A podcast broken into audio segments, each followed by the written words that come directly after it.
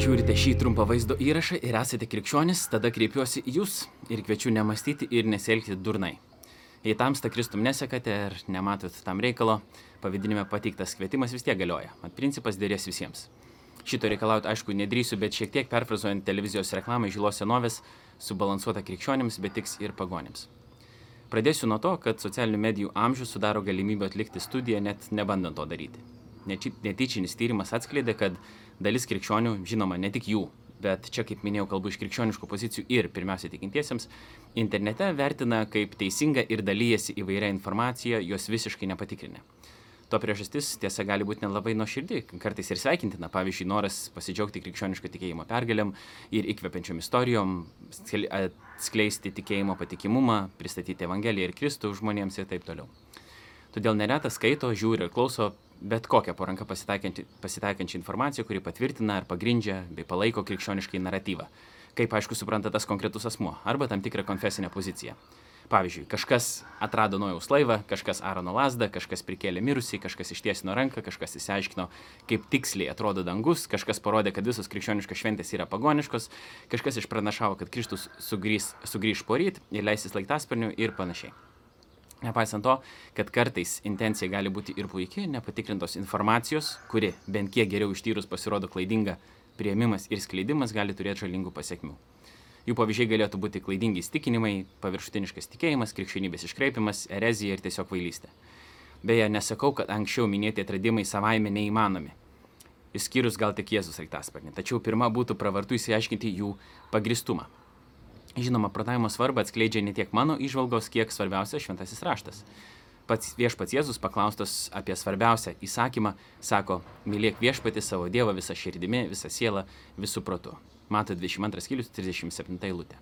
Kitur parašyta, broliai, nebūkite vaikai išmanimų, bet verčiau piktybę būkite kūdikiai, o išmanimų subrendę žmonės. Iš laiško korintiečiams 14 skyrius 20 eilutės.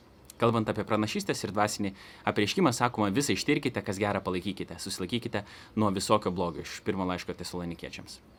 Galiausiai ir atsakyti turime ne bet kaip, bet mums nurodoma verčiau šventai sergėkite savo širdise viešpati Kristų, visuomet pasirengę įtikinamai atsakyti kiekvienam klausinčiam apie jumise gyvenančią viltį. 1 Petro 3.15. Tad kodėl mes nenorime klausyti apaštalų ir paties viešpatės Jėzaus? Kodėl norime mąstyti kaip vaikai? Internetas ir socialinės medijos suteikia galimybę bet kam pasakyti praktiškai bet ką. Dar prieš porą dešimtmečių, norint ką nors paskleisti viešai, reikėjo tam gauti platformą - televiziją, radiją ar laikraščius. Tai be abejo turėjo savo pliusų ir minusų. Tiek vienų, tiek antrų turi socialinės medijos. Tačiau tokios informacijos skleidimo ir vartojimo, tokios informacijos skleidimo ir vartojimo galimybės meta mums iššūkį - mąstyti, tikrinti ir vertinti. Dabar tikriausiai labiau nei bet kada anksčiau reikia kritinio mąstymo įgūdžių, kurie nėra duotybė, bet privalo būti išugdyti. Mes krikščionys besiskelbintis, kad mums rūpi tiesa ir kad sekame tuo, kuris save taip vadina, mano įsitikinimu turim būti pirmieji, kurie turėtume kelti savo uždavinį tikėti ne bet ko ir ne bet ką skelbti. Neskubėti net tada, kai ta informacija patvirtina mūsų įsitikinimus, informacija teikiantis Facebook puslapis vadinasi krikščioniškai, ar straipsnelį bei vaizdelį persiuntė jūsų draugas. Žinoma, nuo klaidos niekas nėra apsaugotas ir čia nekalbu apie hiperskepticizmą. Taip pat nesakau, kad viską ir visada galima pilnai įsiaiškinti, kad neliktų jokių klausimų, kad dalintis galima turint tik šimtaprocentinį užtikrintumą, kas beveik niekada nėra įmanoma. Jei galėtume kažką sakyti tik tada, kai viską išmanytume galutinai, apskritai tektų tylėti. Tačiau kalbu apie paprasčiausią poreikį įvertinti kiek įmanoma teisingiau ir tiksliau, gerbent tiesą ir nedarant skubotų išvadų. Ir visiškai suprantu, kad esminiai krikščioniški įsitikinimai, nesvarbu kaip gerai pagristi, vis tiek daugelį bus suklopimo akmuo. Ar tiesiog kvailystė.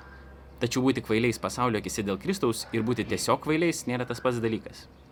Todėl imkim pavyzdį iš Berijos bendruomenės, kurie pasirodė esą kilnesni už tesalonikiečius, jie labai noriai priėmė žodį ir kasdien tyrinėjo raštus, ar taip esą iš tikrųjų. Apaštalų darbų 17 skyrius.